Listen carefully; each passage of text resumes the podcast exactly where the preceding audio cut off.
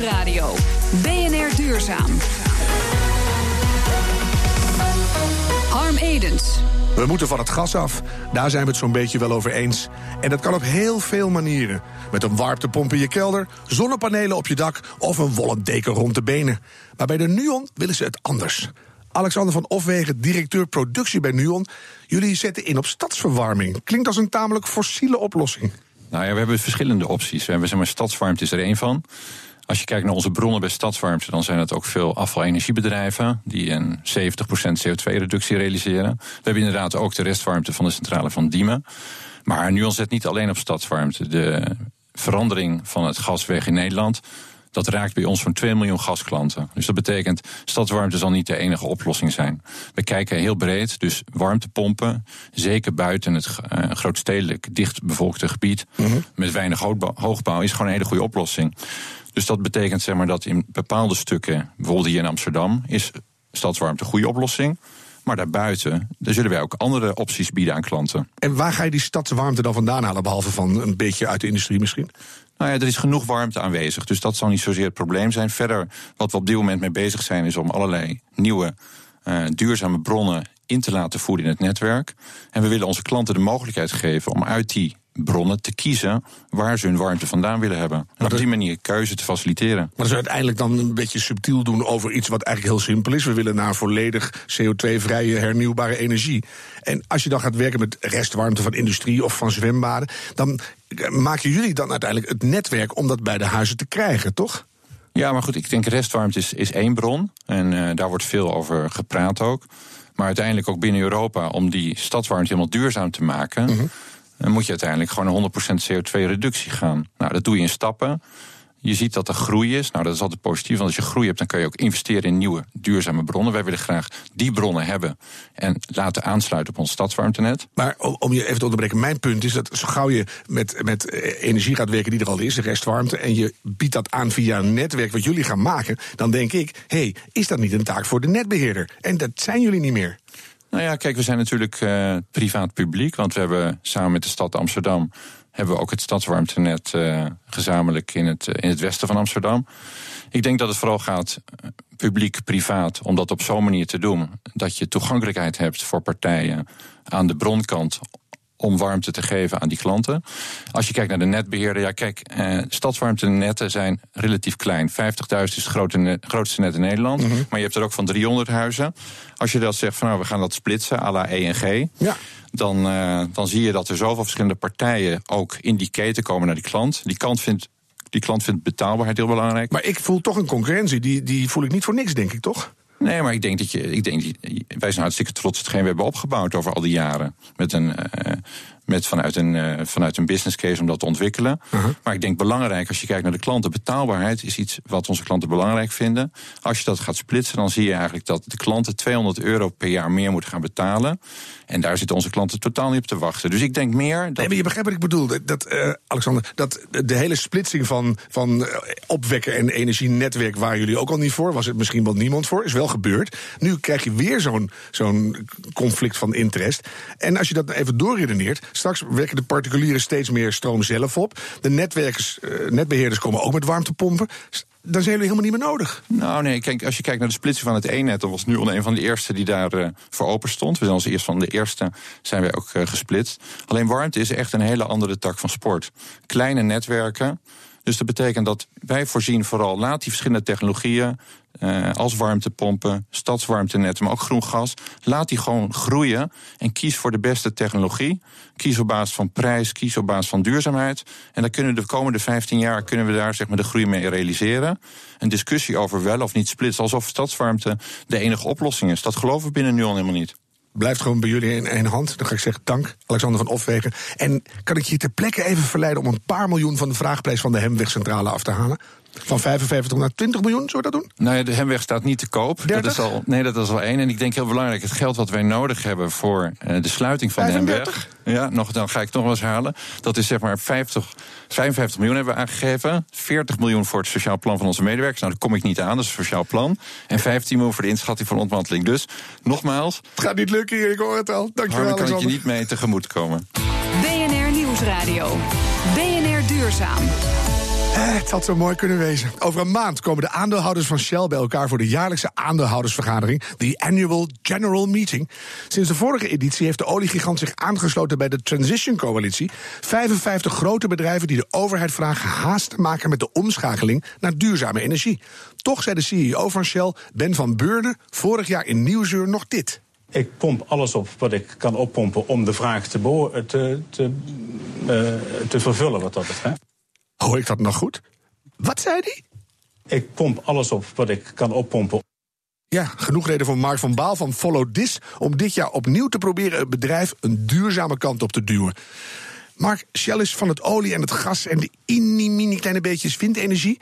Wanneer is Shell in jullie definitie echt duurzaam?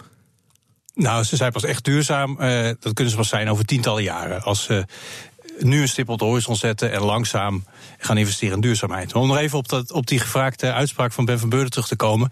Dus eigenlijk wat we hem vragen: pomp alles op wat je op kan pompen. En investeer het geld dat je daarmee verdient in nieuwe energiebronnen. En ga daar alsjeblieft niet mee naar op zoek naar nog meer olie en gas. We hebben al veel te veel olie en gas al aangeboord in de bodem zitten. Nou, probeer daar nog wat geld mee te verdienen. Maar vanaf nu investeer alles in windpark op zee, zonnepark in de Sahara, uh, biogas, noem het allemaal maar op. Alles wat maar nodig is. Nou hoor je ook wel eens dat willen we de, de United Nations doelstelling halen, dat we helemaal niet alles moeten oppompen wat er nog in de grond zit. Maar daar kunnen jullie toch een eind in meegaan, hoor ik zo. Nou, hij heeft het, ik denk dat Ben van het vooral heeft over zijn bewezen reserves. En dat is voor de komende 10, 15 jaar. Dus de komende 10, 15 jaar mag Shell best wel nog wat olie en gas uit de grond halen. Nou, dan ben je toch aardig. Dat gaat de goede kant op. Jullie zijn nou ruim twee jaar bezig om via het aan aandeelhouderschap de koers van Shell te veranderen. Hoeveel mensen hebben nu aandelen via jullie? Nou, we zitten nu op eh, ruim 2500 groene aandeelhouders. Nou, tijdens deze uitzending gaan we vast door de 2600 heen. Dat kan niet anders. Zijn dat te veel meer dan vorig jaar? Uh, ja, vorig jaar zaten we op ruim 1000. Het jaar daarvoor, toen we er voor het eerst bij BNR uh, eh, duurzaam waren, op, op uh, een paar honderd volgens mij. Mm -hmm. Maar nou hebben jullie vorig jaar voor het eerst die resolutie ingediend. Dat werd geen succes. Waarom denken jullie dat het dit jaar wel succes heeft? Ja. Nou, ten eerste is 3% van de aandeelhouders, 3 miljard euro aan aandelen, is nog best wel een succes. Um, maar de belangrijkste reden dat dat niet massaal gesteund werd, was dat het, nou laat ik het maar eerlijk zeggen, vrij onhandig was geformuleerd. We hadden vrij bot geformuleerd: Shell wordt een duurzaam energiebedrijf door vanaf nu alle winst uit fossiel te investeren in duurzaam. Heel verstandig, maar niet zo slim, eh, niet zo slim gefinancierd. Niet in de taal van de aandeelhouders, die toen allemaal makkelijk konden zeggen: ja, sorry, wij gaan niet op de stoel van de bestuurder zitten dat was logisch. We hadden daar ook geen tijd voor om, daar, om ons uh, daar heel lang mee bezig te houden met de formulering. Omdat mhm. we, we moesten 5 miljoen euro aan, aan aandeelhouders bij elkaar vinden. En de pensioenfondsen kenden ons nog niet. Nu kennen het pensioenfonds ons wel. En nu hebben ze allemaal, of een heel flink aantal pensioenfondsen hebben meegepraat over hoe we dat nou zo goed mogelijk konden formuleren. Vorig jaar zeiden ze: We support the spirit of the resolution. En we hebben ze gevraagd: Nou ja, wat moeten we doen om van de geest naar de letter te gaan? Hoe moeten we het nou beter formuleren? En de conclusie was eigenlijk: het moet business model en technology agnostic zijn. Zoals ze dat zo mooi noemen. Ja, wat dus bedoelen ze daarmee? Je mag zeggen: stel doelen, maar het is aan jullie om dat helemaal in te vullen. En mhm. dat is ook logisch zelf. 90.000 slimme mensen. Uh, dus die kunnen prima zelf bepalen of dat in windturbines, zonnepanelen, opslag is. Wat voor businessmodellen ze moeten uitvinden. Ja. Zullen we even het ABP eruit lichten? Want daar zijn we alle twee dicht in de buurt geweest. Um, wat zeggen die bijvoorbeeld uh, over de koers van Shell? Doen die bijvoorbeeld een uitspraak over in een bepaald jaar moet Shell helemaal uit het fossiel zijn? Uh, nee, dat doen ze niet. Nee, ze Hoe ver zeggen, gaan ze wel? Dat weet ik eigenlijk niet. Wat, wat nou precies de uitspraak van het AWP is. Eigenlijk alle pensioenfondsen in Nederland zeggen... wij steunen Shell, wij vinden dat Shell leiderschap moet nemen in de energietransitie. Maar ze hangen daar nog geen concrete doelen aan. Mhm. En dat bieden we Shell nu wel aan. Van stel doelen uh, die in lijn zijn met Parijs. En heb je dat nu slimmer geformuleerd dus? Helpt het voor jullie ook dat Shell nu openlijk onderdeel is van die transitiecoalitie? Ja, natuurlijk. Uh, wat zijn een aantal dingen die het momentum hebben doen uh, toenemen. Twee jaar geleden zei Shell nog simpelweg: sorry, we kunnen niet investeren in duurzaam, want dan komt ons dividend in gevaar. Nu, zijn, ze waren nog bezig aan het boren op de Noordpool. Daar zijn ze mee gestopt. Ze gaan een windpark bouwen op de Noordzee. Ze hebben een nieuw energies divisie. Maar dat is 15 uh, miljard in oude troep en 1 miljard in nieuwe troep. Hè? Dus... Ja, nou, Shell investeert nu 200 miljoen in een nieuw windpark en ze investeren totaal 25 miljard. Dus de verhouding is nog niet helemaal zoals ze die willen. Bij mij was het nog iets gunstiger zelfs, maar goed. Ja. Ehm, maar in ieder geval, um, Shell is bezig. Alleen uh, de urgentie is nog uh, niet echt aanwezig. -hmm.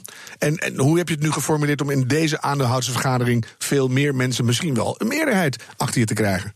We hebben het zo geformuleerd. We zeggen eigenlijk uh, in het Nederlands: Shell, uh, neem leiderschap in de energietransitie. En doe dat door doelen te stellen die in lijn zijn met het klimaatakkoord van Parijs, waar de hele wereld zich achter heeft geschaard. Mm -hmm. En dat betekent ongeveer in 2050 moeten we op nul zitten en 2030 moeten we halverwege zijn. Ja. Maar hoe ze die doelen precies gaan stellen, dat mogen ze helemaal zelf weten. Als er maar doelen zijn. Als die stip op de horizon er maar is, dan uh, kunnen ze vanzelf de conclusie trekken dat dat betekent dat ze niet meer op zoek gaan naar nog meer olie en gas. Maar ja, kort na de aandeelhoudersvergadering van vorig jaar zat je hier ook. En toen zei jij dit. Als je de Shell-top eenmaal hebt bereikt. Ja, ik spreek dan tegen die mensen. Ik denk dat is een tafel met winnaars. Die mannen zijn al, mannen en een paar vrouwen, zijn al 30 jaar lang heel succesvol olie en gas aan het winnen. Maar en dan, dan is succes een slechte leermeester. Ja, Waarom zouden ze dit jaar wel begrijpen wat je bedoelt? Kan deze bestuurstop nu wel die omslag maken? Ja, ik hoop echt dat Ben van Beurden in een van de komende nachten een keer wakker schiet en denkt. Ja, die resolutie van Follow This, dat is niet uh, mijn grootste probleem. Nee, dat is het antwoord op de oplossing voor mijn grootste probleem. Ik heb Ben van Beurden in, de afgelopen, in het afgelopen jaar heel veel interviews horen geven waarin hij zei. Het grootste probleem dat ik tot nu toe in mijn carrière ben tegengekomen is dat het, de maatschappij ons niet meer vertrouwt. Wij willen force for good zijn, maar we worden niet meer vertrouwd. Nou ja, wij hebben de oplossing uh, voor hem op de agenda gezet. Dus het mooiste zou zijn als Shell dit ook zou steunen. En dat ze samen met ons uh, de steun van nog meer beleggers verzamelen. Zodat beleggers op 23 mei kunnen zeggen: Shell, ga nou alsjeblieft die stip op de horizon zetten. En uh, je hebt van ons de, de, de vrijheid om, om die weg in te slaan, om het roer om te gooien. Ja. Even heel erg optimistisch geformuleerd. Denk je dat dat gaat lukken? En dat hangt heel erg van Shell af. Het hangt heel erg van het stemadvies dat snap af. Ik, van maar het wat denk je? Gaat het lukken? Nou, als Shell een positief stemadvies geeft, dan gaat het makkelijk lukken om uh, driekwart van de aandeelhouders erachter te krijgen. Laten we daarop hopen. Dank, Mark van Baal van Follow This. Zometeen in BNR Duurzaam. De hoogste bazen van 200 multinationals komen met de must-have handleiding van 2017. De CEO Guide to the SDGs. BNR Nieuwsradio. BNR Duurzaam. Wat hoorden we net ook alweer? Uh, even denken. Ik pomp alles op wat ik kan oppompen om de vraag te, te, te, uh, te vervullen wat dat betreft. Oh ja, Ben van Beurden van de Shell. Er zijn ook andere geluiden. De CEO's van 200 grote multinationals die aangesloten zijn bij de World Business Council for Sustainable Development komen met de CEO Guide to the SDGs. Marga Hoek is hier, duurzaam onderneemster en Sustainable Development Goal expert. Dat komt goed uit, Marga. Dankjewel. Jij hebt wel vaker gezegd, bij de energietransitie lopen de multinationals eigenlijk voorop. Is zo'n guide een logische volgende stap? Nou, het is een logische stap in het proces. Je hebt een heel aantal van dat soort pledges. En deze is wel op zijn plaats om te zeggen: ja, we hebben die Sustainable Development Goals vastgesteld. Uh, we weten nu wat ze zijn, we weten waarom we het doen. En nu moet er vaart in de opvolgende acties. En daar, in dat kader moet je dit zien. En, en van die 200 weet jij een paar die erin zitten?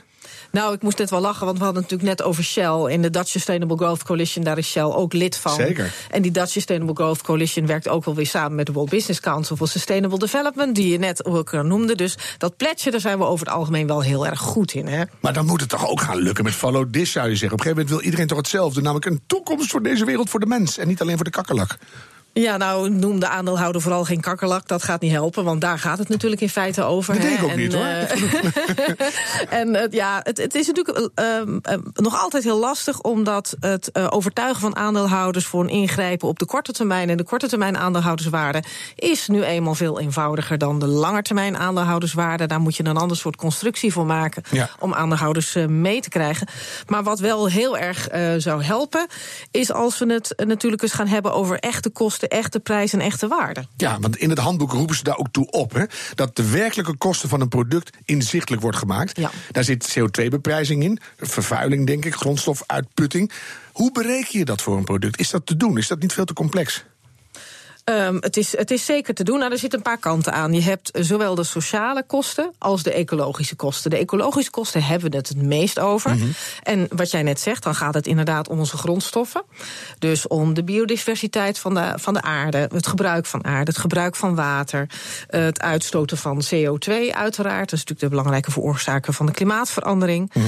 Maar het gaat ook om sociale aspecten. En dan moet je bijvoorbeeld denken aan uh, kinderarbeid, wat nog steeds op grote schaal plaatsvindt. Hè. We hebben nog steeds 11% van de kinderen op aarde die nog te werk gesteld wordt. Dat zijn toch getallen waar je nog steeds van schrikt. Maar is het ook wel raar dat je niet alleen bij een product ver, echt verplicht moet aangeven: dit is met kinderarbeid verricht, maar dat je daar een soort economische vertaalslag voor moet maken? Hè? Van nou ja, daar zijn natuurlijk allemaal wel verklaringen voor, ja. hè, dat bedrijven dat niet doen. Maar desalniettemin mm -hmm. zijn dit nog steeds de wereldwijde getallen. Ja. Uh, het gaat dan om veiligheid. Hè. Heel veel, uh, en dan gaat het wederom vooral over ontwikkelingslanden, is werken nog steeds heel onveilig. We hebben nog steeds 2,3 miljoen dodelijke ongevallen per jaar. Dus daar gaat het over. Gezondheidsaantasting, dichter bij huis, heel herkenbaar. Hè. Zoiets als obesitas. Kost ons ook heel veel geld, 2,7 procent van ons GDP wereldwijd. En dat moeten we allemaal gaan berekenen en dan in de prijs laten terugkomen. Eigenlijk is het heel oneerlijk. Hè? Want stel je voor dat eigenlijk de hele wereld onze eigen portemonnee zou zijn. Dan denk je ook na over dat je iets uitgeeft dat er daarna minder in ja. zit. En dan heb je eigenlijk geen uh, ontsnappen. Dan kun je niet zeggen, nou dan maakt mijn drie generaties achter mij zich maar druk om die portemonnee. En dat is wel wat we met de aarde doen. Die kosten zijn er. In sommige gevallen schuiven ze vooruit, doen we ze of, er, of ze er niet zijn. Dat hebben we natuurlijk heel lang met klimaat gedaan. En in andere gevallen betalen jij en ik dat en alle luisteraars. Omdat het gewoon in onze belasting verdisconteerd zit. En dat wordt vaak niet gezegd, maar het is wel zo. Ja, dus het is eigenlijk in ieders belang. Nou, kijk bijvoorbeeld naar uh, fossiele energie. Maar even daarop voor te bouwen is natuurlijk een mooi voorbeeld. Ja. Dat subsidiëren we zelfs nog steeds. Daar zijn we nog steeds niet vanaf, zou wel moeten. En als ik schrik dan toch nog steeds van de getallen. Het is 4,6 biljoen dollar. Alle externalities rondom fossiele energie. En dan heb je het zowel over de subsidiëring als de schade. Wereldwijd en dat is dan wel, 10 miljoen dollar per minuut wereldwijd. Misschien helpt dat nog richting Shell, kun je die getallen gebruiken. Smeer olie dus en smeer geld. Je voelt een ongelofelijke ja. getallen, 6,5% van ons bruto binnenlands product. Dus met andere woorden, eigenlijk gaan we heel onverstandig om met die wereldportemonnee. Zo ja. zou je het moeten bekijken. En willen we dat kunnen veranderen, dan moeten we weten waar we over praten. En dan moeten we die kosten inzichtelijk hebben. Die moet je echt gaan... gaan uh uh, uh, aantoonbaar gaan maken. Zeg het maar, een huishoudboekje. Ja. ja. En, en als je dat dan doet, zijn er dan bepaalde producten die dan in verhouding veel duurder gaan worden dan andere producten? Want bij een bloemkool zou je kunnen zeggen, nou ja, er komt een klein beetje water bij of zo, dat valt wel mee. Een biefstuk is misschien al erger, maar een OLED-televisie, daar gaat de prijs misschien wel door het dak. Ja, dat is een enorm omklapeffect van negatief naar positief en omgekeerd. Ja. Als je die externalities internaliseert. En gemiddeld genomen verbetert de business case van duurzame producten en diensten met 40 procent. Nou, reken maar uit wat de andere kant uh, andersom is. En vaak is dat contrast nog veel schriller. En de, de grootste winnaar of verliezer, hè, hoe je het zou willen noemen, dat is uh, toch wel absoluut voedsel. En daar hebben ze ook van berekend aan de positieve kant. Hè, want het zijn natuurlijk meer de duurzame bedrijven die hierover wensen te publiceren. dan degene die aan de andere kant van, uh, van de lat staan. Uh, in het geval van uh, voedsel, we hebben wel eens gesproken over het enorme voedselverlies. Maar als je dat gaat terugbrengen en we internaliseren die externe kosten, dan wordt dat 92% interessanter. Oftewel, de business case verbetert met hetzelfde getal eigenlijk. Dus en door bij de dit te gaan doen. 43%. Ja, 43%. Dus door dit te gaan doen, geef je een enorme incentive af aan industrieën die het goed doen. En een enorme remmer waar het niet zo goed gaat. Ja, de oude markten, de niet duurzame markten, faceren versneld uit. En de duurzame faceren versneld in. Kan je het ook omdraaien? Kunnen er ook producten zijn die daar echt voordeel bij hebben? Omdat ze bijvoorbeeld maatschappelijke waarde genereren. Mensen in de zorg die mensen beter maken. Dat je mensen met een uitkering weer aan het werk helpt. Zou je kunnen zeggen. Als je dat doorberekent in de prijs, dan doe je eigenlijk iets heel goeds. Ja, absoluut. En het is goed dat je dat zegt. Want onze oriëntatie is heel erg op die kostenkant geweest. Ook vanuit de accountancy. Puma is daar toen mee begonnen. Hè. Put the price tag on your shoes. Kwam toen op 106, 145 miljoen van de winst af. Maar als je een duurzaam bedrijf bent, is het omgekeerde natuurlijk veel belangrijker. Heel veel bedrijven hebben nu een positieve impactstrategie. Dus onderaan de streep wordt de wereld beter van hun bedrijf en niet slechter. En dan heb je natuurlijk wel een belang bij dat dat ook uh, in de accountancy terechtkomt. Oftewel dat dat erkend wordt. Want als je wil gaan financieren of je bedrijf verkopen, ja, ja dan is het toch echt de getallen die dan, uh, dan tellen. En daar zijn heel veel voorbeelden van bedrijven die dat doen. En die ofwel kosten voorkomen. Een leuk concreet voorbeeld is Verbego, een Nederlands schoonmaakbedrijf. Om Mhm. mensen te hebben die kunnen schoonmaken in gebouwen, moeten ze heel erg investeren in mensen van sociale werkplaatsen, mensen met een afstand tot de arbeidsmarkt, eh, schuldhulpsanering, noem het allemaal maar op. Om ze eh, ja, met een goed gevoel aan het werk te kunnen krijgen. En die investeringen worden door een bedrijf gedaan, zouden anders door iemand anders gedaan moeten worden. Dus Verbego, zo'n bedrijf, heeft enorm veel baat bij om dat inzichtelijk te hebben. Ja. Zowel in de bedrijfswaarde als in de business case. Ook wel leuk dat het nu eens even genoemd wordt. Zo vind ik ook. En eh, ook een hele mooie in, in de voedsel is eh, EOSTA. Wel bekend, heel duurzaam bedrijf. En die hebben dat voor groente en, eh, en, en fruit gedaan. En onder meer voor peren.